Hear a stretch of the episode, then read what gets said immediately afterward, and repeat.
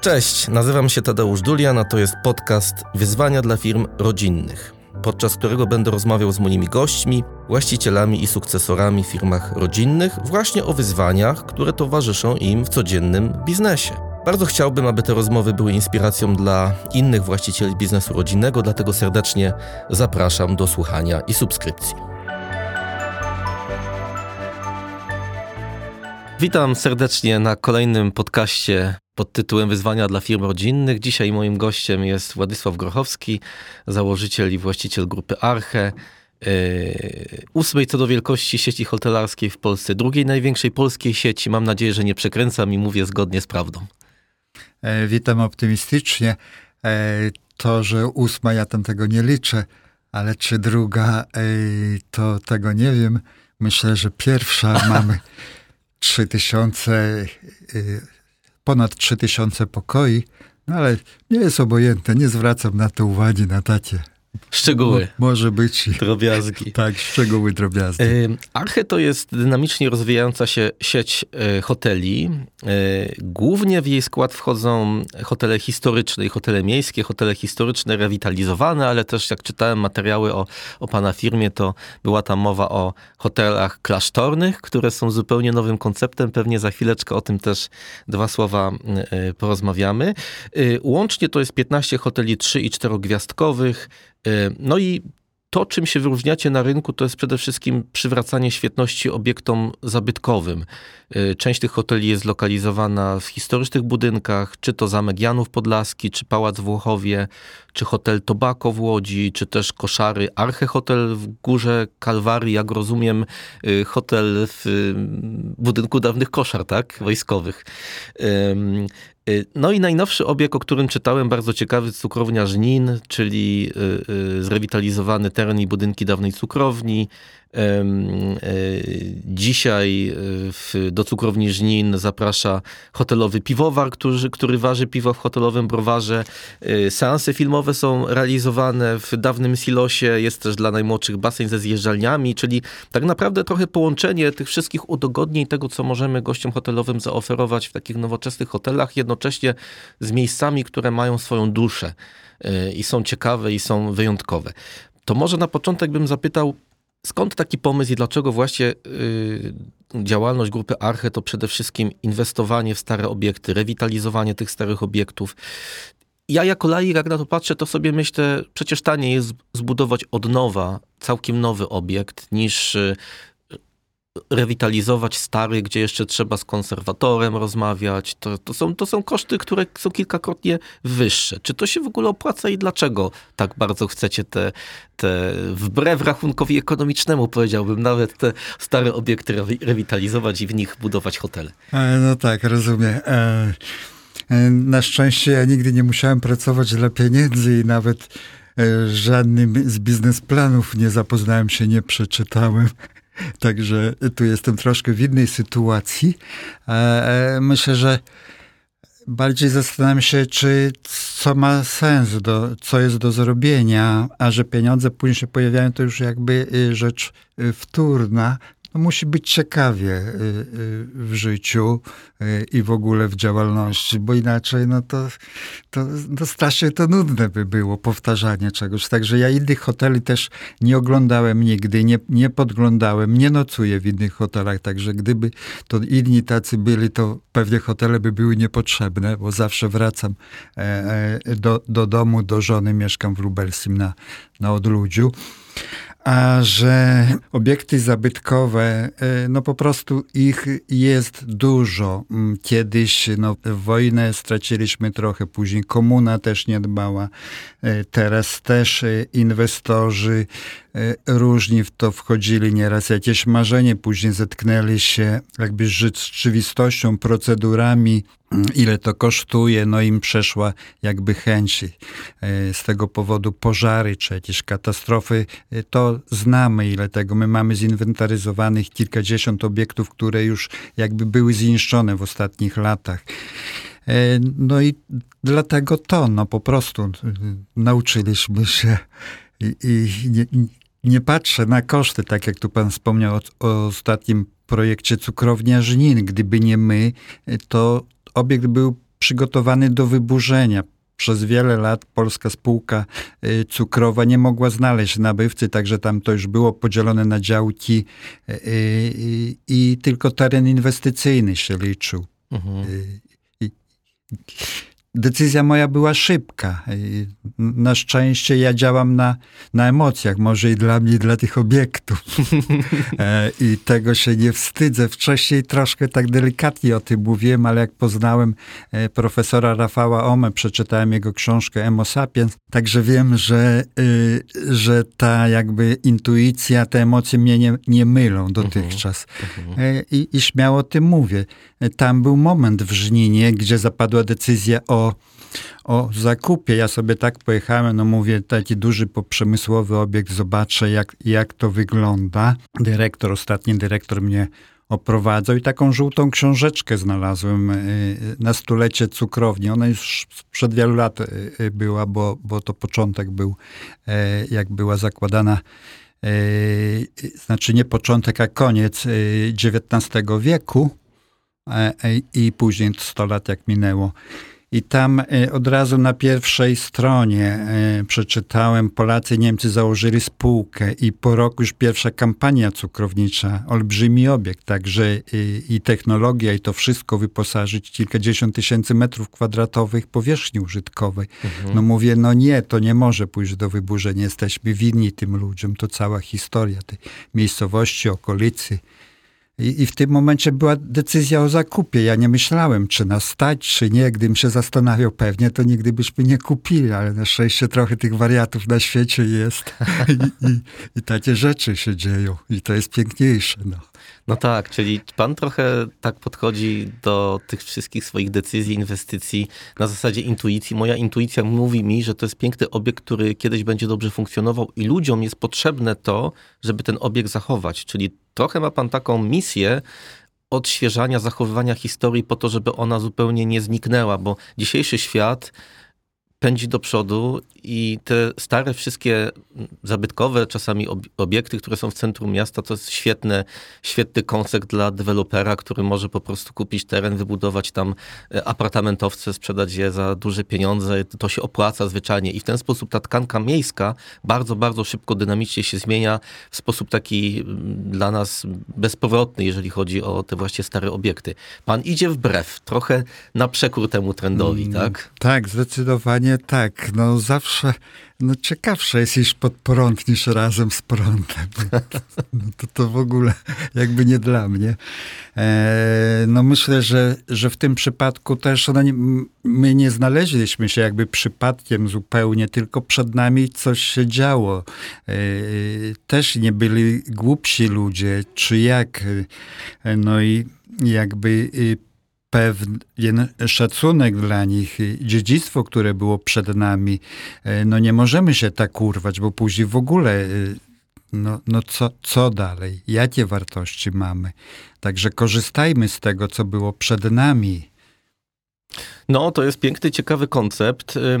Zastanawiam się, co jeszcze, bo te, mm, e, to są już słynne w zasadzie wasze obiekty hotelowe w starych miejscach w Gdańsku, dwór Abhagena, e, jak, e, czy Uphagena powinno się chyba czytać. Tak. Jak o tym czytałem, to w prasie mówił pan, że to jest miejsce trochę na uboczu, ale ludzie będą szukali takich miejsc. To znaczy, y, ciekaw jestem, czy dobrze rozumiem to, jak pan wyczuwa też pewne trendy takie, czy oczekiwania y, y, użytkowników hoteli, gości hotelowych, że coraz bardziej będą odchodzili od pewnych takich najbardziej, najłatwiej dostępnych obiektów, będą szukali czegoś specjalnego, czegoś z duszą, czegoś z klasą, czegoś, gdzie jest jakaś tajemnica, jakaś, jakaś historia. I pewnie stąd właśnie też ta pana intuicja, że dwór Uphagena, chociaż jest troszeczkę dalej niż centrum miasta i, i, i, tam trzeba kawałek przejść. I chyba pan też określał, takiego określenia używał, że to jest miejsce, gdzie y, różni, mniej lub bardziej ciekawi ludzie się kręcą, y, a pan lubi takie miejsca. E, tak. Czyli, czyli co? Czyli, czyli znowu pan patrzy na obiekt jako coś takiego, co za 5, za 10, za 15 lat będzie błyszczało, bo ludzie będą szukali nietuzinkowych, wyjątkowych miejsc, żeby tam przenocować, czy żeby tam spędzić czas. Tak, y, no zmieniamy się, świat się też zmienia i to, co, co teraz, ja nie mogę z tego czerpać, co aktualnie, tylko jakby y, te zmiany trochę wyprzedzać, przewidywać. No, tu no, gdzieś historia się oczywiście powtarza, ale ona jest jakby zmien, zmienna. Nie ma, nie ma jakby danego momentu i, i już to nieciekawe by było. E, tu wracając do Gdańska, do dworu Phagena, e, e, tam dwa wyjazdy mieliśmy wcześniej. Ja szukałem, mieliśmy polecenia pośredników i w Gdańsku, Gdyni, znaczy tutaj to główne miasto, w Gdyni, w Sopocie. Nic jakby mnie nie interesowało i przypadkowo znaleźliśmy się na Dolnym Mieście. Mhm. Tam dopiero zaczęła się taka rewitalizacja czy infrastruktura. Ulice były robione. A tak w ogóle to tacy ludzie, tak jak pan mówił, no, chodzili gdzieś tam na wózku, jakiś złom wiózł, ale ja poczułem tego ducha, to blisko jednak centrum jest i, i, i ten budynek właśnie po, po Akademii Medycznej, po szpitalu, mhm. stara tablica, bo to przez wiele lat nie mogli sprzedać. Mhm i poczułem, że, że to jest dla nas klimat. I od razu telefon, czy to jeszcze aktualne, co się dzieje. No, wiedziałem, że, że to jest to. No i dopiero dopiero później, po zakupie wiele miesięcy, dowiedziałem się, że to jest no, modne teraz dolne miasto e, i jakby z potencjałem. No i tam się dzieje bardzo dużo, także to takie wyprzedzanie. Myśmy za śmieszne pieniądze to kupili, tak, mhm. tak w ogóle. No i, e, bo no, my nie mamy dużego kapitału, rościemy cały czas. Zaczynaliśmy od małych tych i, i dzięki takim zdarzeniom możemy być w tym miejscu i, i jakby E, nie boimy się konkurencji tych największych. No właśnie, to wszystko kosztuje. No, można być może kupić za małe pieniądze, ale jednak y, kosztuje to nie tylko tyle, co sam grunt, który jest pod tym budynkiem, tylko, tylko jeszcze obiekt również. Ten obiekt trzeba zrewitalizować, bardzo często we współpracy z konserwatorem zabytków, a więc oznacza to dużo wysiłku takiego administracyjnego, dużo pozwoleń, większe koszty. Ja się zastanawiam trochę, y, wróciłbym do tej strony biznesowej, bo to jest fajne, to co pan prezes mówi, mówi, że mm, nie trzeba tego liczyć, nie trzeba robić biznesplanów, bo ja mam swoją intuicję i ona mnie nie zawiodła do tej pory. Wszystkie te obiekty, które zrewitalizowaliście, one na siebie zarabiają i coraz bardziej są popularne. Natomiast no, jakoś trzeba to wszystko sfinansować i zastanawiam się, czy, y, czy to jest tak, jak klasycznie wśród wielu firm polskich, firm rodzinnych, prywatnych, finansowanie inwestycji odbywa się ze środków własnych. Czy to jest tak, że trochę się wspieracie takim kredytem bankowym, zewnętrznym finansowaniem? Jeżeli tak, to też jestem bardzo ciekaw, jak banki dzisiaj reagują na wasze y, zaproszenia do wspólnej y, inwestycji i finansowanie tych inwestycji, szczególnie po tym y, no, już prawie dwuletnim okresie pandemii, która rynek hotelarski mocno odwyrężyła. E, czy rynek hotelarski to dzisiaj jest dla banków w ogóle interesująca, interesująca branża. Jak jeszcze można finansować te inwestycje? Czy macie też inwestorów e, prywatnych, którzy was wspierają, e, wykupując na przykład apartamenty? To mi się wydaje taki ciekawy, ciekawy sposób na finansowanie tych obiektów i w szczególności w kontekście tego, że no to są miejsca z klasą i dzisiaj bogaci Polacy lubią inwestować dywersyfikować swoje pieniądze, inwestować w różne rzeczy. Czasami inwestują w nieruchomości za granicą. Coraz bardziej popularne jest właśnie inwestowanie w nieruchomości w Polsce.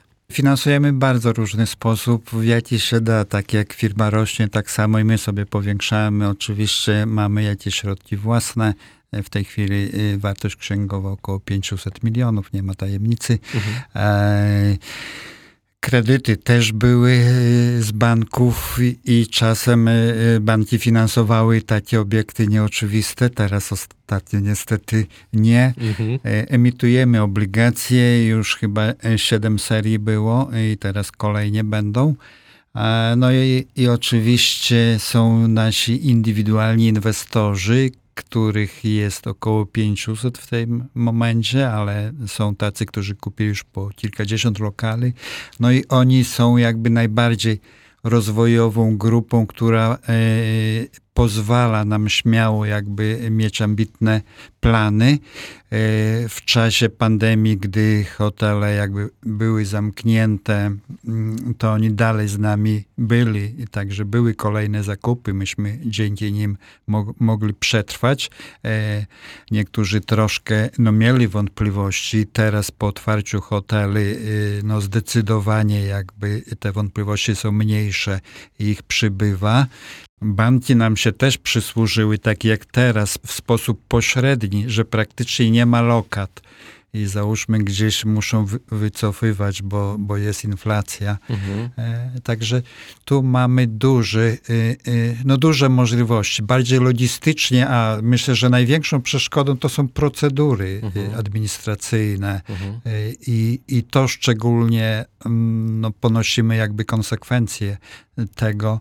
W czasie pandemii one się jeszcze wydłużyły dodatkowo, bo, bo gdzieś był pretekst, a to akurat państwa nic nie kosztuje, także nam zwykle dużo łatwiej jest rewitalizować dany obiekt niż doprowadzić do tego, do rozpoczęcia mhm.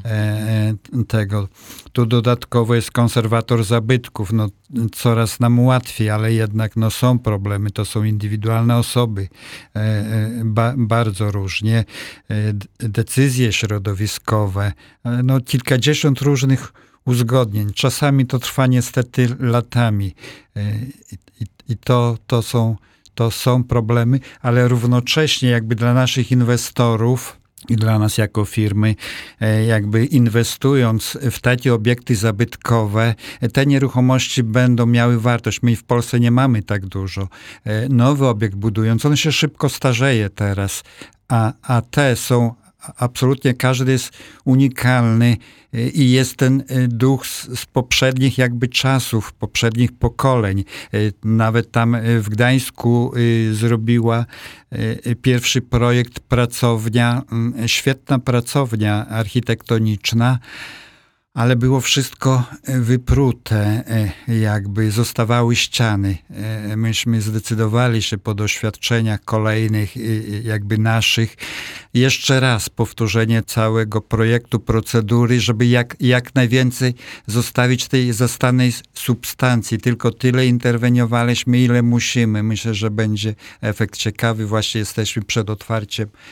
Trwają procedury związane z, z dopuszczeniem do użytkowania. Mhm. Dworu Uphagena. Dworu tak? Kiedy otwarcie będzie? E, no myślę, że w listopadzie się e, załapie, tylko nie wiem, początek to już niedługo. No właśnie, pewnie końcówka bardziej. Pewnie końcówka, mam nadzieję. Chciałem jeszcze wrócić do tej koncepcji finansowania inwestycji w nowe obiekty przez tych inwestorów indywidualnych, bo system kondo w Polsce różnie funkcjonował i z tym się wiążą różne no, doświadczenia, też negatywne, prawda? Czy wasi inwestorzy, którzy kupują apartamenty, myśli pan, że bardziej robią to właśnie dlatego, że mają gwarancję y, jakichś zysków takich stabilnych? I czy właśnie pandemia to nadwyrężyła, czy ta gwarancja działała podczas pandemii, czy oni również partycypowali w stratach, bo w ciągu pandemii wy jako firma dołożyliście do całego biznesu około 50 milionów y, złotych. Y, czy to jest tak, że bardziej ci inwestorzy inwestują długoterminowo, bo podzielają wizję pana i tą misję też trochę, że jeżeli w coś inwestować, to właśnie w piękne obiekty z duszą, z historią, które w czasie będą rosły na wartości i to zapotrzebowanie na korzystanie z tych obiektów y, będzie coraz bardziej y, powszechne. Jakie są motywacje waszych inwestorów indywidualnych? E, tak, inwestorzy są różni na szczęście. Myślę, że do nas trafiają, którzy nas rozumieją, podzielają e, tą naszą misję. Zresztą spotykamy się z nimi przynajmniej raz, raz w roku gdzieś i oni jakby ko kolejnie e, no, cały czas są wierni w kolejnych jakby naszych inwestycjach kupują. Jak mówiłem, niektórzy mają po kilkadziesiąt już już tych pokoi. E, my mamy spore doświadczenie w tym systemie i jakby od samego początku mamy wyjątkowe. E, kiedyś, 20 lat temu około to się zakończyło, była tak zwana duża ulga na wynajem. Myśmy już pierwszy taki obiekt zrobili wtedy w Konstancinie i to szło do wspólnego worka, później tutaj Puławska Residence, ale to polega na, u nas na tym, e, że zaczynamy zawsze jak największą salę nam się uda w obiekcie. Tych e, towarzyszących sal, powierzchni staramy się jak najwięcej zrobić, bo jakby szeroko traktujemy te nasze obiekty, te hotele, wiele im dokładamy funkcji. I ta powierzchnia, która zostaje w firmie, mm, typu sale konferencyjne, restauracje e, i to jest duże, też jakby wspólnie pracuje. To wszystko idzie do wspólnego worka i, i koszty, i przychody, i później proporcjonalnie e, się dzielimy. To jest inaczej niż, niż powszechnie, bo tam e, każdy jakby deweloper chciał jak najwięcej zarobić już na początku, dlatego te funkcje dodatkowe minimalizował. Mhm. E, my przez wiele lat nie dawaliśmy gwarancji, e, dopiero od niedawna dajemy 5%, tylko także tu w ogóle jakby nie konkurujemy. Nigdy nie mieliśmy problemu e, Urząd Ochrony Konkurencji Konsumenta. Absolutnie pod tym kątem nie, także widocznie działamy, działamy nieźle. Wszystko jest w jednej spółce, jakby cały, cały kapitał. Ja sam swoją tam nadwyżkę niewielką, bo mam głównie w firmie, to też tylko mam w lokalach, więcej, więcej nic, nic nie mam. I, i tak to wygląda. W czasie pandemii mm, e, te zagwarantowane, tam gdzie były zagwarantowane 5%, e, to my wypłacaliśmy. W ogóle nie było e, nawet myśli, żeby żeby nie płacić. My jesteśmy więksi niż ci inwestorzy. Często niektórzy mają po jednym lokalu, czasem mhm. jakieś kredyty jakoś, to tam mhm. się składali i, i te pieniądze dostawali y, zawsze. My możemy więcej, dlatego to my w razie czego tracimy jako ten inwestor i świadomie jesteśmy gotowi, żeby, żeby nam tego ubyło kapitału, bo jeszcze nam coś zostanie. Oni nie. Te przypadki, gdzie nie było gwarancji, e, mieliśmy straty oczywiście. E, oni tak normalnie w umowie powinni pokrywać. E, to straty my pokrywaliśmy. To tylko tyle, że wtedy nie, nie mieli tych dochodów żadnych, ale od razu każdy zysk to już jakby wspólnie dzieliliśmy się. Dlatego no, to jest cenne, bo pracujemy no, w długim czasie. E, z inwestorami. Jesteśmy na początku drogi. E, uczymy się zarządzania. Też uczyliśmy się no, najpierw na początku na własnych obiektach. E, no teraz coraz, coraz lepiej, dlatego te nasze obiekty generalnie dają ponadprzeciętną stopę zwrotu i, i myślę, że tak, tak sobie poradzimy na tym rynku. To jest ciekawe, co pan mówi, bo to znowu wracamy do jednej z takich cech typowych dla biznesu rodzinnego i prywatnego, e, to znaczy podejście do czasu, spojrzenie długoterminowe, planowanie w długiej perspektywie, również inwestowanie w długiej perspektywie. E, inwestowanie nie po to, żeby w ciągu roku czy dwóch zyskać i odrobić od razu e, te, ten, ten cały koszt, tylko w długiej perspektywie i wasz stosunek do inwestorów indywidualnych właśnie cechuje to takie podejście długoter budowania długoterminowej relacji. Wy chcecie, żeby ci inwestorzy z nami nie byli przez najbliższe 5 lat, tylko 15, 20, 30, a w międzyczasie jak będą mieli poczucie, że wy ich specjalnie traktujecie, bo bierzecie na siebie pewne straty i koszty, a im umożliwiacie korzystanie cały czas nawet w trudniejszych okresach z tej gwarancji 5%, to będą chcieli z wami zostać i inwestować w kolejne apartamenty. To chyba dobra strategia na y, wzmacnianie tego kanału y, inwestycji, jakim są właśnie ci indywidualni inwestorzy, prawda? No tak, to oczywiście efekty widzimy. No na rynku pieniądza trochę jest. My nie mamy problemu z finansowaniem praktycznie od początku firmy, mimo różnych tam sytuacji, perturbacji i tak dalej. E, wszystkie faktury od przeszło 30 lat zawsze w terminie płacone, tu wszystko wypłacane. No.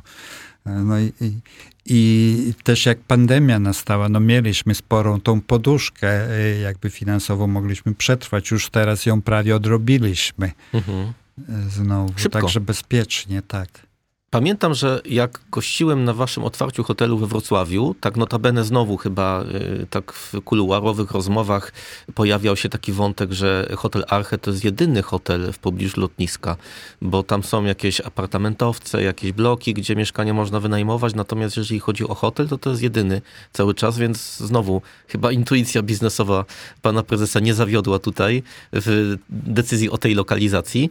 Y, natomiast pamiętam, jak rozmawiałem z jednym z jedną z osób, które też e, zastanawiały się potencjalnie nad inwestycją w apartamenty, padło takie pytanie, na ile jest to trwałe podejście, na ile jest to wizja i koncepcja trwała, a na ile ona nie przetrwa zmiany pokoleniowej w waszej firmie bo już dzisiaj w waszej firmie drugie pokolenie funkcjonuje, yy, działa, nawet na bardzo zaawansowanych, wysokich stanowiskach yy, są przedstawiciele kolejnego pokolenia, czy pan Paweł, yy, czy pani Dorota. Wszystkich nie znam, tylko, tylko te dwie, o tych dwóch osobach mogę wspomnieć. No i padło dosyć ciekawe pytanie, czy zmiana pokoleniowa coś tutaj zmieni i będzie inne podejście, y, kiedy już pana zabraknie i oni tak naprawdę będą w tym drugim pokoleniu zarządzali y, bez żadnych ograniczeń, podejmowali decyzje zgodnie z własną intuicją, własnym instynktem, czy tam dojdzie do głosu jednak rachunek ekonomiczny, czy ta wizja założyciela będzie kontynuowana i ten pomysł unikalny na biznes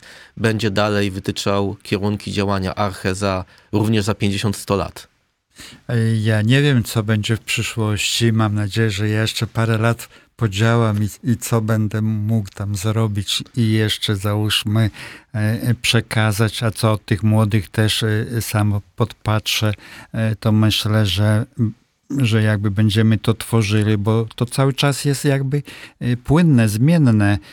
Na pewno mm, no i, i, szczególnie teraz pandemia to obnażyła, że ten kierunek, jaki wybraliśmy, on się sprawdza, że gdzieś wartości, y, czy jakby świadomość ta ekologiczna dla środowiska, dbanie, y, to, to, to jest, że gdzieś pędziliśmy tylko dla pieniędzy, y, często maksymalne zyski, to podstawowych problemów świat, ludzkość nie rozwiązała dalej, także jesteśmy przed tym y, i mam nadzieję, że coś przekażemy. No, mamy zespół ludzi i, i tu i, i rodzinę, która jakby czuje, czuje te wartości, jakby utożsamia się y, z tym.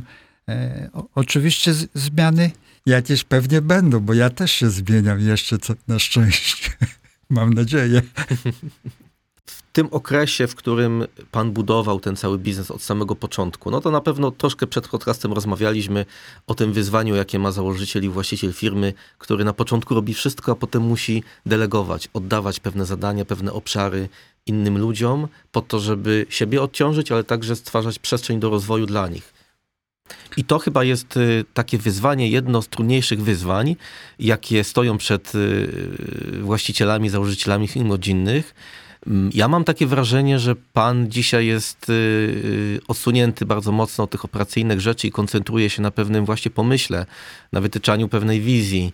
Czyli stworzył pan sobie już tak zorganizował firmę, że ona dobrze funkcjonuje, pan ma inne zadanie dzisiaj. Jak to wygląda? Czy, czy to się zgadza, że ta przestrzeń do rozwoju ludzi w Arche została stworzona i oni mają swój obszar odpowiedzialności, decyzyjności, a pan jest już mniej operacyjnie zaangażowany, a bardziej ma pan rolę takiego stratega, wizjonera, który wytycza kierunki i i pewnie to, co panu sprawia największą przyjemność, to jeździ i wyszukuje nowe obiekty i wybiera te obiekty. Tak, y, ja dosyć wygodny jestem, y, a żona mówi, że jestem leniwy nawet, tak, także y, no zawsze gdzieś tam włączałem ludzi, tak starałem się, mieszkam daleko od Warszawy, tylko czasami tu przyjeżdżam i wiem ogólnie, że nie znam się na wielu rzeczach, coś, coś tam czuję, coś mi świta, tak, i dlatego no no nie chcę być taki mądry, dlatego sobie ludzi dobieram, dużo mądrzejszych e, e, niż ja e, i ich podziwiam. Ja im daję wolną rękę dosyć, staram się im nie przeszkadzać, mają prawo do, do błędów, do, do tego. Nic tam się nie stanie, jeżeli kilka błędów popełnią. Oni ludzie sami to odbierają i jakby oceniają i, i ja muszę czasami nawet ich pocieszać w takich sytuacjach, żeby jak się bardzo by przestraszy, to później już trudniej, co, co mi stać. No wszyscy, wszyscy się uczymy i, i to jest myślę, że, że bardzo ciekawe, że mamy taką potrzebę, żeby się uczyć, żeby edukować. W ogóle myślę, że, że na przyszłość to jest zdecydowanie ciekawsze niż zarabianie pieniędzy, co mamy w głowie, emocje, emocjami człowiek żyje. To u nas w hotelach też, ja mówię nieraz, że sprzedajemy e, emocje, bo no, to nas cieszy, jak pozytywne emocje, no jesteśmy szczęśliwi podejmujemy decyzje określone w emocjach. No tak, tak to jest i nie brońmy się przed tym. E, oczywiście, tak patrząc na, na przyszłość, no cały czas potrzebujemy ludzi dużo. Myśmy zwolnili z powodu pandemii 400 osób z tysiąca, często bardzo dobrych pracowników, ale było ich łatw, łatwiej zwolnić, bo po prostu mieli umowy na czas określony. No nie dostaliśmy żadnej pomocy, starczy nawet. E, trudno. Oczywiście to teraz po czasie jakby wspominam e, to dobrze, bo to nam pozwoliło na realizację nowych pomysłów, ale teraz zatrudniamy nowych. Tamci, tamci sprawdzeni hotelarze odeszli, bo hotelarze to pasja, ale równocześnie, e, równocześnie no, zobowiązanie duże, e, brak jakby wolnych weekendów, czy noce, to wszystko. Jak znaleźli inną pracę, e, to, to niestety tylko część powróciła. Zatrudniamy nowych, niedoświadczonych. Teraz jest duży problem, no ale mam nadzieję, że sobie poradzimy. No lepiej być większą jakby firmą czy marką rozpoznawalną, wtedy jest łatwiej o tych lepszych pracowników. E, powołaliśmy wewnątrz firmy alternatywną Akademię Arche, gdzie kolejnie będziemy się uczyli wzajemnie. Kto ma jakby większe doświadczenia w danym, to to innym będzie przekazywał, będzie też jakby, e, co mówiliśmy przed spotkaniem, delegowanie tych umiejętności, jak najwięcej oddawać. Każdy, co się już nauczył i może kolejnemu przekazać, to y, no, staramy się robić. Mhm. Mówił pan o tym, że y, w pandemii byliście zmuszeni do tego, żeby część ludzi zwolnić, teraz odczuwacie tego skutki, bo przychodzą niedoświadczone osoby, trzeba je uczyć, no i pewnie powrót do tego standardu, jakiego byliście przyzwyczajeni sprzed pandemii, to trochę czasu zabierze. Y, I jakie jeszcze Pamięta pan z okresu budowania w ogóle firmy Archy jakieś takie trudności albo wyzwania, z którymi trzeba było się mierzyć, które były szczególnie trudne? I tak szeroko bym do tego podszedł. Czy to były wewnętrzne wyzwania, czy zewnętrzne, na które mamy mniej wpływu, ale i tak się musimy jakoś przed nimi bronić. Czy to były wyzwania związane z biznesem, typowo firmowe, czy może rodzinne, no bo jesteście firmą rodzinną i ten obszar rodziny ma wpływ na biznes. Y, jakiego rodzaju doświadczenie, którym by się pan chciał podzielić, no bo nasz podcast ma, cel naszego podcastu jest też taki, żeby inspirować innych właścicieli do, do radzenia sobie z rozmaitymi problemami, stąd nazwa wyzwania dla firm rodzinnych. Jakiego rodzaju wyzwaniem czy trudnością chciałby pan się podzielić y, w kontekście tego, jak sobie państwo poradzili z nim na przestrzeni tych 30 lat? Tak, ja ogólnie mam krótką pamięć i to, co złe czy trudne jakieś takie zdarzenia, to, to zapominam. No tu znowu jestem taki wygodny, że wyrzucam i mam spokój. I myślę pozytywnie, no jestem super optymistą, tak jak w swoim czasie Aleksander Doba, e, świętej pamięci, gdzieś nas tam znaleźli. A ale jak pan pyta, no pewnie takie były, szczególnie na początku, gdzie mieliśmy wiele kontroli, równocześnie na początku kilka pierwszych lat działalności firmy. Mm, I to i Urząd Kontroli Skarbowej, Urząd Skarbowy, i ZUS, i to były były jakby te kontrole prawie ciągłe. Nieraz były trzy równocześnie. No teraz to jest świetnie, bo tylko jedna. No, także jest lepiej. Jest zdecydowanie lepiej. A tak przy okazji, jakby wtrącając, no mieliśmy kontrolę po pandemii. Oczywiście państwo tu zadbało. Pierwsza kontrola była y, z inspekcji pracy, czy nie było y, jakby grupowego zwolnienia mhm. przy tylu. U mnie na szczęście kadrowa dbała jeszcze to przez parę miesięcy trwało, żeby nie wpaść w to, także nic nie znaleźli, mhm. ale w kolejce czekał też ZUS. Po, mhm. Pozytywnie, znaczy kulturalnie czekał parę, parę ładnych tygodni, bo że było za dużo zwolnień lekarskich. Aha, aha. No także To tak.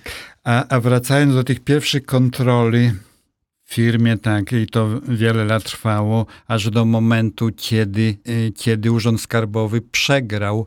E, e, wtedy tylko było NSA, nie było jeszcze wojewódzkich sądów administracyjnych, także jedna instancja i zwrócili nam dwa razy tyle. Od tamtej pory mamy spokój. Oczywiście bieżące kontrole są, zapraszamy, zawsze się nie, nie boimy, jesteśmy transparentni. Po jakby po tamtych zdarzeniach to nasza firma sfinansowała w głównej części decydującej praktycznie film Układ Zamknięty Ryszarda, Ryszarda Bugajskiego. E, no bo no, przejścia były takie. Mhm. To mówi no, pan o latach 90., tak? Tak, lata 90., mhm. tak. Pod koniec lat 90. to się praktycznie zakończyło po, po tej dużej przegranej Urzędu Skarbowego. To często były naciągane, no niestety gdzieś są propozycje korupcyjne z tych or organów, e, myślą, że ten, jakieś sugestie do skutku. My staramy się jakby wypełniać, czy nawet więcej płacić niż, niż powinno być, bo, bo te przepisy są tak nieprecyzyjne, tak dużo tego, no niestety się w tym poruszać. Lata doświadczeń to też ma, ma znaczenie.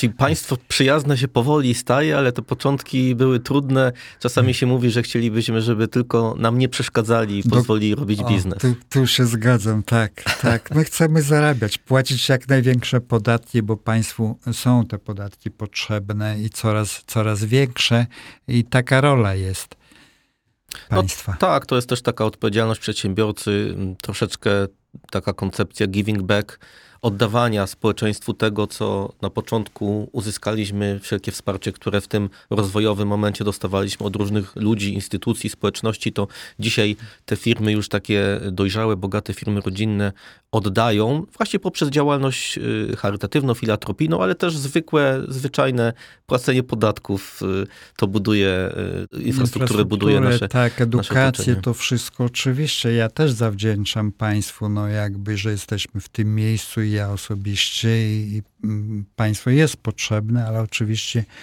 nie może być też za dużo tego państwa, żeby państwo sobie nie, nie uzurpowało, że jest niezastąpione bo jednak, no, żeby zaufało bardziej ludziom, przedsiębiorcom. My nie jesteśmy oszustami. Zdecydowana 90 parę procent nie jest oszustami. Czasem ktoś się gdzieś zagubi, y, y, a, a może tutaj jakby to jest obrona też, jeżeli gdzieś druga strona przesadza. Mhm.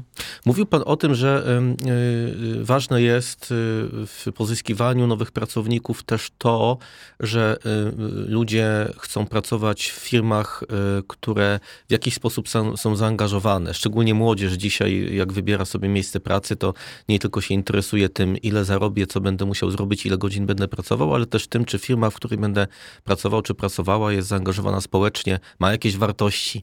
Wydaje mi się, że w tych wyborach firmy rodzinne i prywatne mogą mieć ten atut dodatkowy, ponieważ zawsze wartości rodzinne czy w sposób uświadomiony, czy mniej uświadomiony, one funkcjonują i one tworzą niejako y, y, sposób postępowania tej firmy rodzinnej.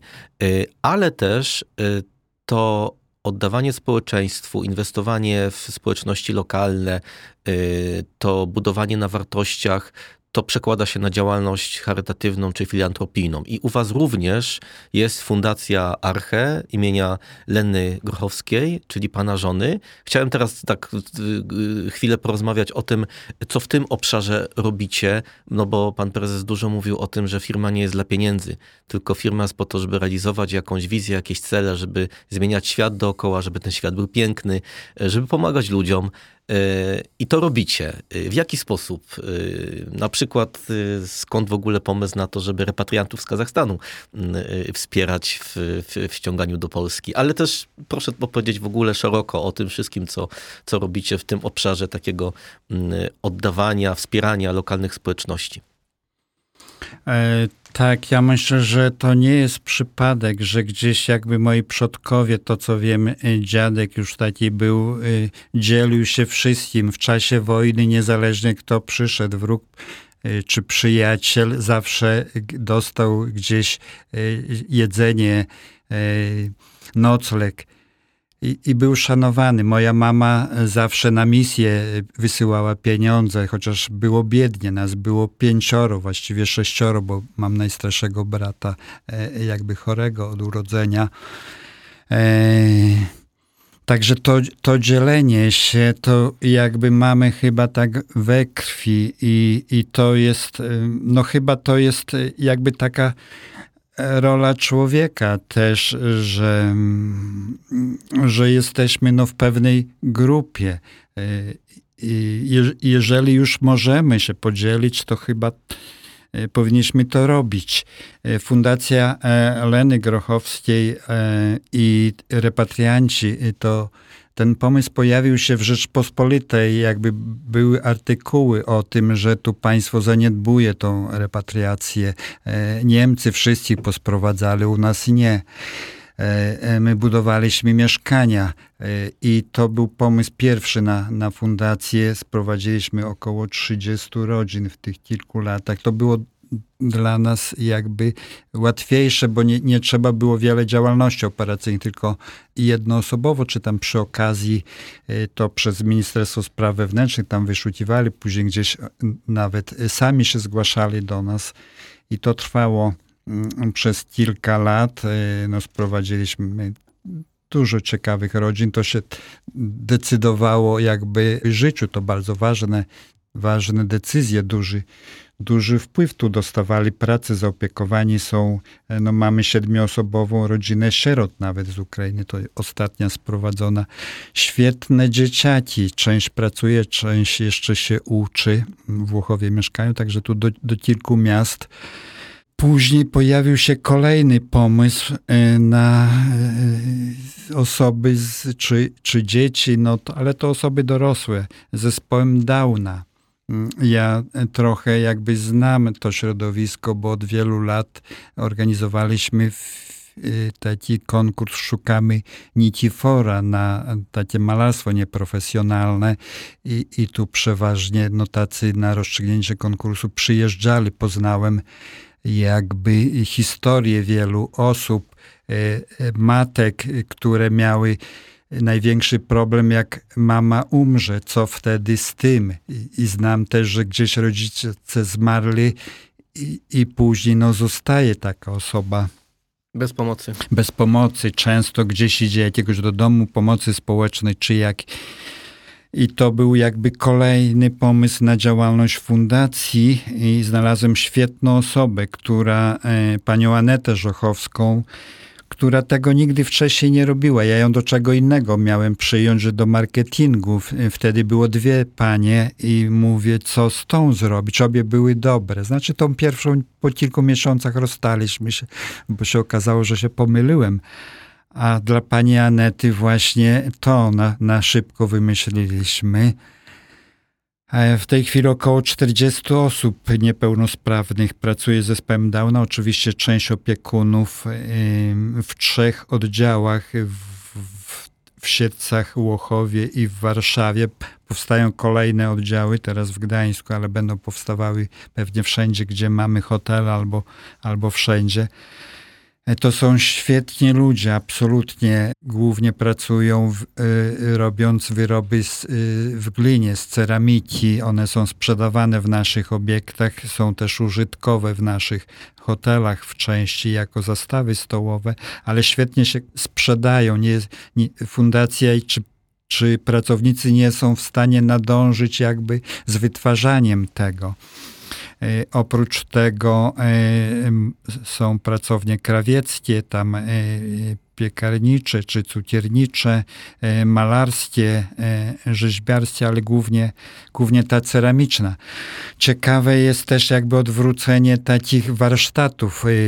Oni świetnie prowadzą ci z zespołem Downa warsztaty, załóżmy dla naszych architektów czy dyrektorów hoteli, to oni są instruktorami, jak w tej glinie paluszkami e, trzeba robić i zrobić wyrób.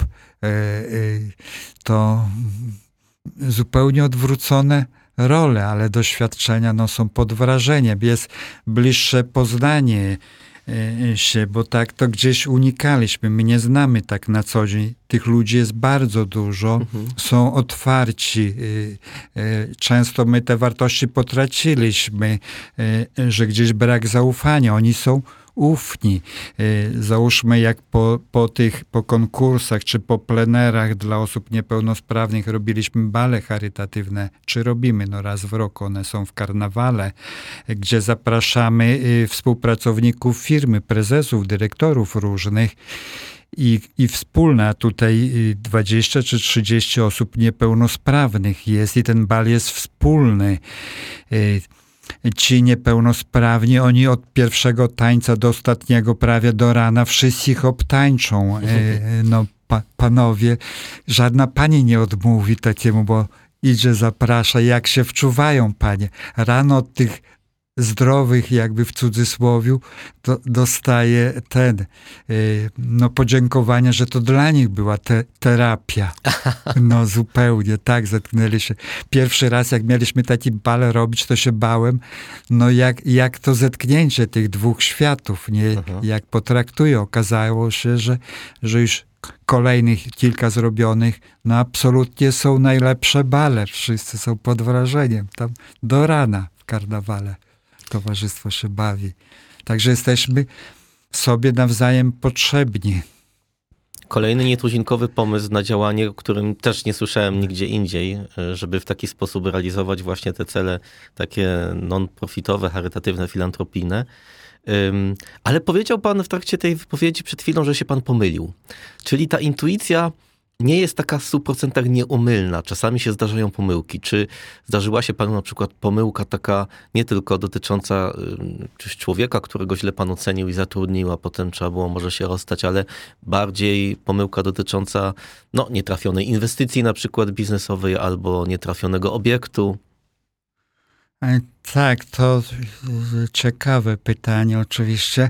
Ja jak pracownika przyjmuję, to praktycznie w pierwszej minucie już wiem, czy, czy chcę dalsze, to już tak sobie porozmawiamy i, i żeby się poznać e, trochę. I czasami się mylę, bo czasami, no, e, nie wiem, albo świetnie niektórzy się sprzedają, e, Mo, może tak i, i potrafią mnie oszukać czy nabrać. Także przyznaję się. A jeżeli chodzi o obiekty, czy takie inne wpadki, oczywiście, że czasem się zdarzają. E, całe szczęście, że one się zdarzają, bo ja e, jakby nowe doświadczenia mam. E, ja nie rezygnuję z tego, tylko to mi daje motywację, jak sobie z tym nietrafionym poradzić. Z inwestycjami wchodzimy w miejsca nieoczywiste takie, mhm. bo zawsze przy inwestowaniu mówi się lokalizacja, lokalizacja jeszcze, jeszcze raz lokalizacja. U nas na, na odwrót. I to jest wyzwanie, jak w takim miejscu nieoczywistym te pieniądze zarabiać.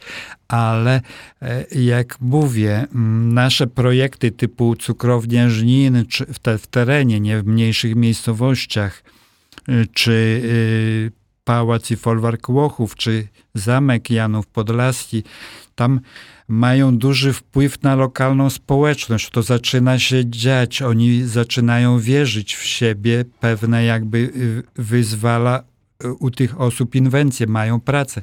W Żlinie w tej chwili pracuje już 200 osób, w cukrowni pracowało 300. To jest pierwszy etap. Jak my y, y, jeszcze kolejny etap zrobimy, będzie więcej pracowało niż w Żninie. Teraz byłem na spotkaniu z tydzień temu z pracownikami. Tam tylko kilku hotelarzy na te 200 osób. Wszystko młodzi ludzie, bardzo zaangażowani. Oni z tego powodu może nie wyjadą z tego Żnina, czy z Polski nawet. Y, oprócz pracowników bezpośrednio jeszcze gdzieś tam są dostawcy, tam wiele rzeczy się dzieje. Chcemy, mhm. żeby nasze jakby te te obiekty były takimi centrami, które skupiają e, no i, i, i kulturę, i, i przedsiębiorców, i w ogóle ostatnio e, księgarnię Archę założyliśmy i w każdym mm, duża ilość książek. Dyrektorzy mi tak bardzo ostrożnie, jak zobaczyłem, że to tak delikatnie, to mówię razy dziesięć mhm. dołożyć, także czasem za kilkadziesiąt tysięcy w każdym obiekcie, ale okazuje się, że to absolutnie trafiony pomysł. To książki się sprzedają po prostu, a będą spotkania z pisarzami zaraz jakby naturalnie, promocja książek. Także e, kolejne wydawnictwa wchodzą. Kolejny tak. pomysł na nietuzinkową promocję hoteli. Oczy, oczywiście, że tak. Jakby pan się określił, tak e, z tego co słyszę, co pan opowiada, no jest pan na pewno bardzo charyzmatycznym przedsiębiorcą, wyjątkowym. Czy taki opis pana wizjoner, pionier, idealista, ryzykant, odważny rewolucjonista, podpisałby się pan pod takim opisem, czy, czy dodałby pan coś do tego jeszcze? Nie, to już tak dużo, że wystarczy. Oczywiście z każdych tych określeń na pewno coś, coś wspólnego e, pewnie mam. Myślę, że, że najbardziej to pewnie e, wizjoner, a, ale każdy. Ryzyka też na pewno. Ja zawsze mówię, że idziemy po krawędzi w firmie, tak, ale to, to nas nakręca. Znaczy, szczególnie w początkach to było bardzo na krawędzi e, tak, nawet z żoną moją, czy tak idziemy, albo stracimy wszystko, ale żona absolutnie była za mną, także to, to no daje du dużo satysfakcji tacie. Teraz trochę bezpiecznie, jak mówiłem, że tą poduszkę zachowujemy, mamy tych inwestorów, musimy być odpowiedzialni, ale mhm. oczywiście lubię wyzwania, to nie sądziłem, że tak jak 30 lat temu tutaj była ta transformacja, e, uzyskaliśmy wolność, no, poczułem się świetnie, no, nikt prawie nic nie miał. Wszystko przed nami było, co z tą wolnością zrobiliśmy, że teraz przez pandemię znowu kolejne wyzwanie. Ja nie, nie sądziłem, że mnie w życiu znowu coś spotka takiego i tak jak, jakby mi znowu lat ubyło. Jestem od przeszło roku, bo tam na początku sobie pierwszy raz zrobiłem w życiu no, urlop załóżmy tradycyjnie, bo mm, tak, ja na urlopie bym się strasznie e, zmęczył pewnie. Znaczy zmieniam pracę i mówię, że cały czas jestem na urlopie, tylko jakby z pewną rezerwą to, to traktuję. Trochę się bawimy i, i tak mówię innym. Ale od tego czasu, jak wróciłem e, pod koniec kwietnia, czy na początku maja w zeszłym roku do, do pracy, mm, znowu do działania, to jestem jak nakręcony, to w ogóle nie poznaję siebie, nie wiem, to dla psychologów jakieś badanie. Jak każdego dnia staram się jak najpóźniej spać, rano się zrywam i już kolejne tak jak i dzisiaj. Ciekawych ludzi spotykam, no dzieje się coś każdego dnia nam, coraz więcej kont kontaktów, no tyle mamy do zrobienia. Także świetny, świetny okres przeżywamy. No tak, no rzeczywiście spotkania z ludźmi nas bardzo motywują, nakręcają i fakt, że pandemia trochę to ograniczyła, to dla wszystkich jest trudne e, i myślę, że sami siebie mniej jesteśmy w stanie zmotywować niż te interakcje międzyludzkie, więc one są bardzo potrzebne. Wynotowałem sobie jeszcze jedną taką myśl, którą pan podzielił się podczas pewnego wywiadu, którą teraz zacytuję. Chciałem pana poprosić, żeby pan ją skomentował albo może rozwinął, bo ona jest ciekawa. Y, mam wrażenie, że człowiek gdzieś zginął, miasta nie są już dla ludzi, świat urządzamy dla technologii, dla gadżetów, które w większości są śmieciami. Człowiek, jego emocje, kontakt z naturą, to wszystko znika. Jak pan chce walczyć z taką rzeczywistością albo z taką wizją przyszłości? A czy ja nie chcę walczyć ogólnie, ja mogę coś zaproponować, ale to każdy sobie wybiera i wcale nie muszą się ze mną zgadzać, że tak, yy, ale dostrzegam yy, jakby, że ten kontakt z naturą jest nam potrzebny. Od tego no nie, nie możemy yy, z tego zrezygnować gdzieś w tym wielkim yy, świecie dla y, technologii, w biurowcach wielkich człowiek y, nierzadko czuje się wyobcowany i wtedy trzeba jakieś namiastki robić. Myślę, że te klimaty nieraz w tych małych miasteczkach w skali do człowieka, gdzie blisko spacerek, to spotkać się, możemy porozmawiać, że to jakby nam jest potrzebne, że że to dostrzegamy i szczególnie po pandemii. Mam nadzieję, że takie wnioski wyciągniemy, że jest gdzieś y, tendencja, y, czy jak potrzeba wsiowienia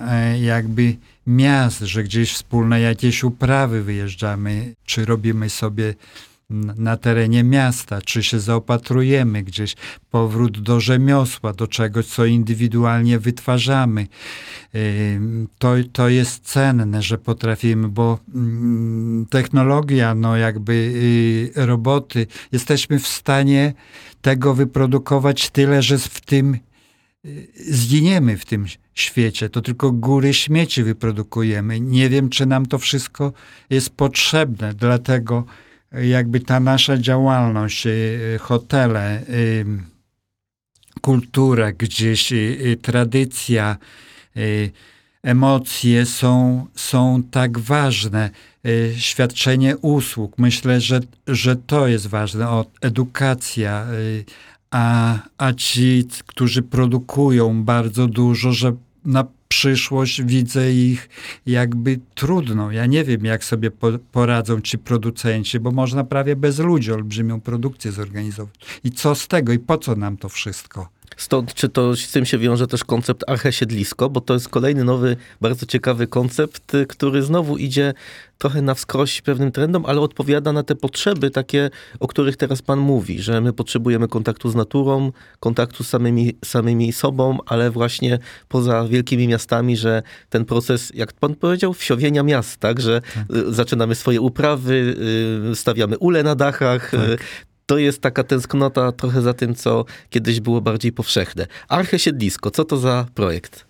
Właśnie to też pomysł, jeden z pomysłów, bo ja ich, y, tych pomysłów dużo mi się pojawiło w czasie tej, tej boju jakby kwarantanny czy urlopu.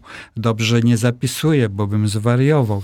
Tylko niektóre jakby zapamiętuję. No kil, kilka realizujemy w trakcie oczywiście i między innymi Arche Siedlisko to jest jakby powrót do natury, bo ja mam kilometr do sąsiada, jestem cały czas rolnikiem.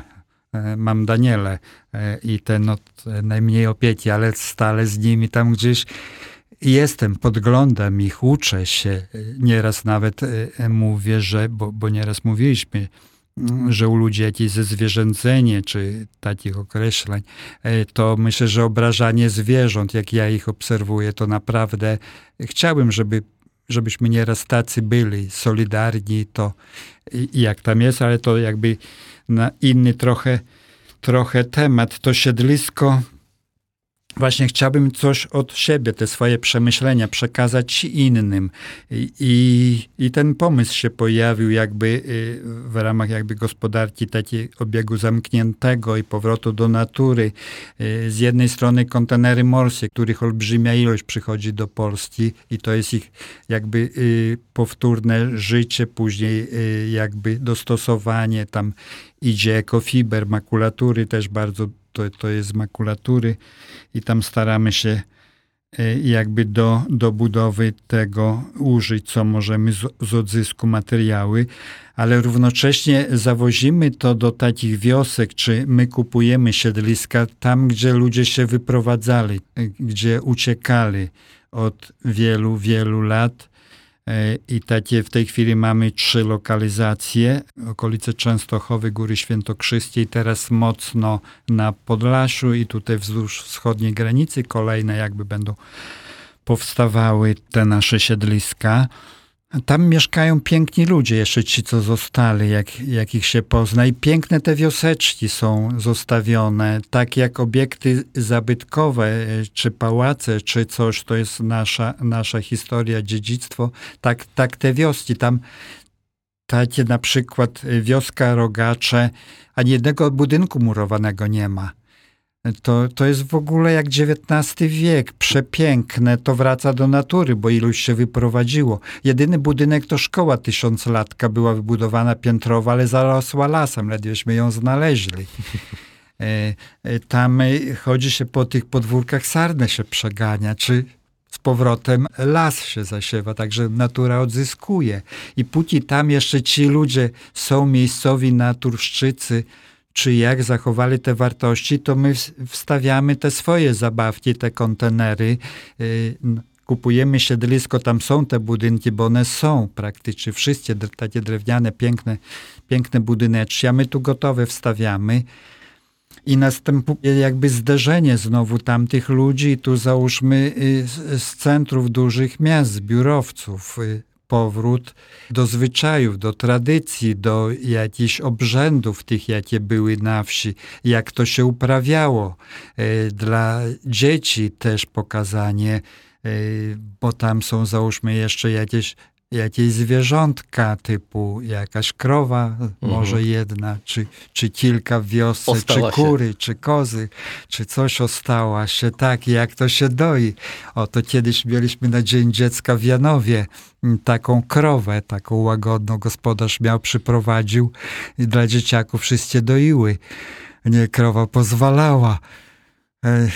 To, to, na, największe przeżycie tutaj, jakby zmysł dotyku też, mhm. no dotknąć do, do zwierzęcia. To ja wiem przy, przy Danielach, przepraszam, że tak wtrącam, po dwóch latach do nich podchodziłem, że to one wybrały moment, kiedy do mnie podejdą, się oswoiły. Mhm. Jak, jak mnie po, polizał Daniel, ja cię dreszcze. Mhm. To dzikie zwierzę, to jest, to są, to jest, nie zapomina się tego i tak samo to robimy, opowiadanie historii tego wszystkiego i dopóki dopóki tam ludzie mieszkają, to my sobie wstawiamy te nasze za, zabawki, czy jakby te kontenery i to wspólne jakby uczenie się nawzajem, czy uczenie się od tamtych ludzi, zupełnie odwrócone role, bo myśmy chcie, chcieli uszczęśliwiać tych ludzi, im, a, ale oni są szczęśliwi wbrew pozorom, że tam zostali. Dopóki oni są, to my ze swoimi też jesteśmy.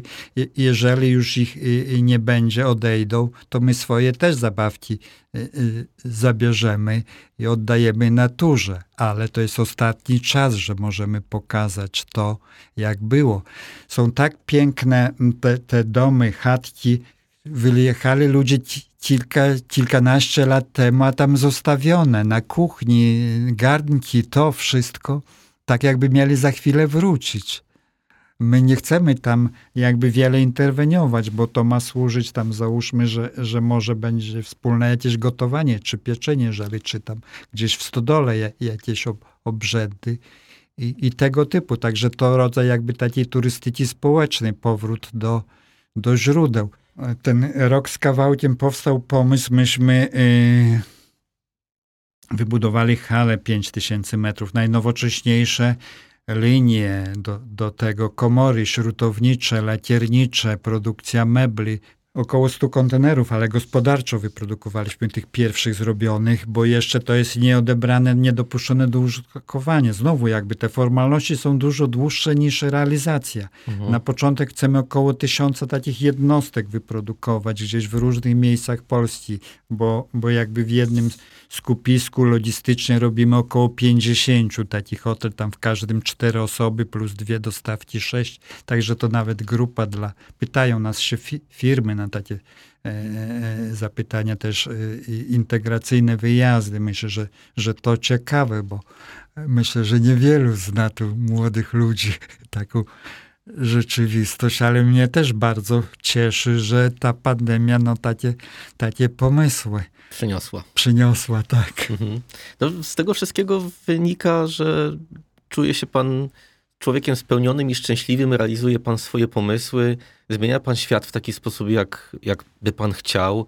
E, ta wizja i ta misja po to, żeby dać, dać swoim gościom hotelowym pewne emocje, a nie tylko miejsce do spania, które jest sztampowe i wygląda tak samo w każdym mieście, ale przy okazji też te, te, te, to poczucie, że robimy coś dobrego dla społeczeństwa. Y, co jeszcze chciałby Pan osiągnąć? Co jeszcze jest przed Panem? Jakie są wyzwania przed Panem? Y, czy może już jest Pan na tyle spełniony i szczęśliwy, że w zasadzie to, co Pan robi, to wystarczy? No, nie, spełniony może jestem jako przedsiębiorca, bo pieniędzy na, na moje ten, to, co jem, mam niewielkie potrzeby, to mi wystarcza już bardzo dawno i zawsze mi wystarczyło, bo już bardzo, bardzo wcześnie sobie radziłem. Już w drugiej klasie liceum powiedziałem rodzicom, że nie chcę od nich ani złotówki, ja już sobie sam poradzę. Także, że, że dosyć wcześnie. I tu jestem spełniony oczywiście, ale jako człowiek nie jestem spełniony do końca. Jest wiele problemów nie, nierozwiązanych i ja na, na to się nie godzę, co, mm, na, na ile mogę zrobić, a, a teraz trochę możemy więcej. I całe szczęście, że, że coś musimy, czy coś możemy zaproponować. Na przykład to, co, co wspominaliśmy. 30 lat temu burzyliśmy mury. Mury miały runąć. No niestety teraz pojawia się y, problem, że będziemy znowu stawiali. One są znowu stawiane. Y, jakby powtórka. Na to, na to nie mogę się zgodzić. Zawsze uważałem, że granice to jest jakiś wymysł, że, że ludzie na świecie są dobrzy, że mamy więcej wspólnego niż żeby się dzielić. To gdzieś kiedyś z początków ludzkości zostało, e, e, że bronimy czegoś. Teraz przed kim? E, te zbrojenia to jest nierozwiązane, równocześnie no, problemy na świecie. Teraz Europa ma, czy, czy jakby tu bogate społeczeństwa, jak się obronić? My się nie zamkniemy murami, to jest, to jest bez sensu, to nie ten kierunek. Tam nie mają ludzie nic do stracenia z tych krajów. Mhm. I, I to jest y, wstyd y, jakby dla ludzkości. Ja próbowałem teraz y, tą grupę Usnaż Górny, taka miejscowość. Byliśmy przygotowani, 10 mieszkań, może delikatnie, po cichu weźmiemy się problem rozwiąże. Przynajmniej dla takiej grupki. Wiem, że teraz Katowice też oferowali, moglibyśmy przyjąć to. To nie można uciekać od problemów, no ale niestety to jest polityka. E, kilka lat temu e, w znaczącej części, znaczy w decydującej, wybudowaliśmy szkołę w Czadzie, w miejscowości Busso, razem e, z kurią siedlecką. Jeżeli nie możemy przyjmować tutaj, bo ja mówię, ja bym wszystkich przyjmował ludzi, no taki jestem, może inni są, ten, moja żona też wzięłaby do swojego domu nawet jak ogląda w telewizji to, co się dzieje, jest gotowa, ale no, nie mamy na to wpływu. Ale będziemy, y, już podjąłem decyzję, robili y, jakby w miejscowości Busso, tam w Czadzie, to jeden z najbiedniejszych krajów na świecie y, kolejną szkołę, jakby średnią uczyli rzemiosła pracy i farmę, bo tam jest no, biednie, głód jest, żeby tam pomóc tym ludziom. Także będziemy w ramach fundacji tam, tam wchodzili. Dalszy ciąg będzie, to już decyzja zapadła. Podoba się też filmie, bo i ludzie to czują. Mhm. Także jesteśmy razem, jest, jest solidarność ale spotykam wielu porządnych ludzi. Teraz na, na spotkaniu, e, właśnie co mówiliśmy e, e, z redakcją Forbesa, tam spotkałem fotografa ze Szwajcarii, którego znakomitego fotografa, na przykład jego zdjęcie na paczce papierosów Marlboro, ten kowbój. W wieku prawie 70 lat on realizuje swoją jakby też misję w Kambodży, też taką farmę założył. Tam też jest olbrzymia bieda, kształci dzieci. Ci ludzie czy dzieci nie dostają szansy. To nasza taka rola. To nie, nie sztuka im dać coś gotowego nawet, gdzie po drodze duża część zginie, tylko trzeba uczyć, żeby oni byli samodzielni. To też mi się nie podoba, że, że tu populizm gdzieś zwycięża, bo najłatwiej ludzi uzależnić i to jest korupcja po prostu. A gdzie godność ludzi? Teraz w pandemii też, no firmy, firmy też czekały, co dostaną. Mhm. I jeszcze energia idzie nie w to. Mhm. Ważne jest, że ja jestem wolny, że to ode mnie zależy, dopóki jestem zdrowy. A tak to jestem słaby. Ze słabymi ludźmi to można wszystko zrobić. I to mi się nie podoba. Dlatego, jeżeli coś, coś możemy mm, pokazać, coś zrobić, to jak najbardziej. A, a co inni z tym zrobią, ja nie walczę nie, i nie chcę nikomu narzucać. Reasumując, ma pan przed sobą jeszcze dużo do zrobienia, dużo celów, dużo za sobą, dużo osiągnięć, jeszcze więcej pewnie rzeczy, które można by zrobić. I chyba puentą naszego podcastu mogłoby być, e, że tak naprawdę przedsiębiorcy, powinnością, misją przedsiębiorców jest edukować i pomagać, prawda? O, to się zgadzam i to przedsiębiorcy czują, bo państwo nie zawsze niestety, ale przedsiębiorcy tak mają taką misję. Organizacje pozarządowe wchodzą, że, że ludzie oddolniej i dlatego jakby optymistycznie podchodzę do tego, co się dzieje na świecie, mimo tych problemów. Jeżeli się spotyka takich ludzi, że ten świat i ludzkość nie zginie, że sobie poradzimy, że się odbudujemy, wnioski wyciągniemy, ale no, liczby głównie na, na siebie i że są e, trochę wariatów i pasjonatów jest na szczęście i te wartości dalej jakby w sobie zachowujemy. Serdecznie dziękuję. Wspaniałe myśli, wspaniała rozmowa. Myślę, że nasi słuchacze będą bardzo zadowoleni i odsłuchując ten podcast będą uśmiechali się tak często, jak my się uśmiechaliśmy podczas tego nagrania. Dziękuję panie prezesie. Dziękuję bardzo.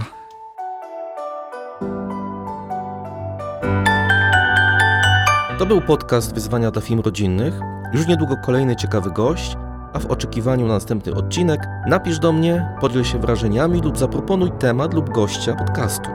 Znajdź mnie na LinkedIn albo napisz na adres tedulian.deloitte.com. Do usłyszenia. Tadeusz Dulian.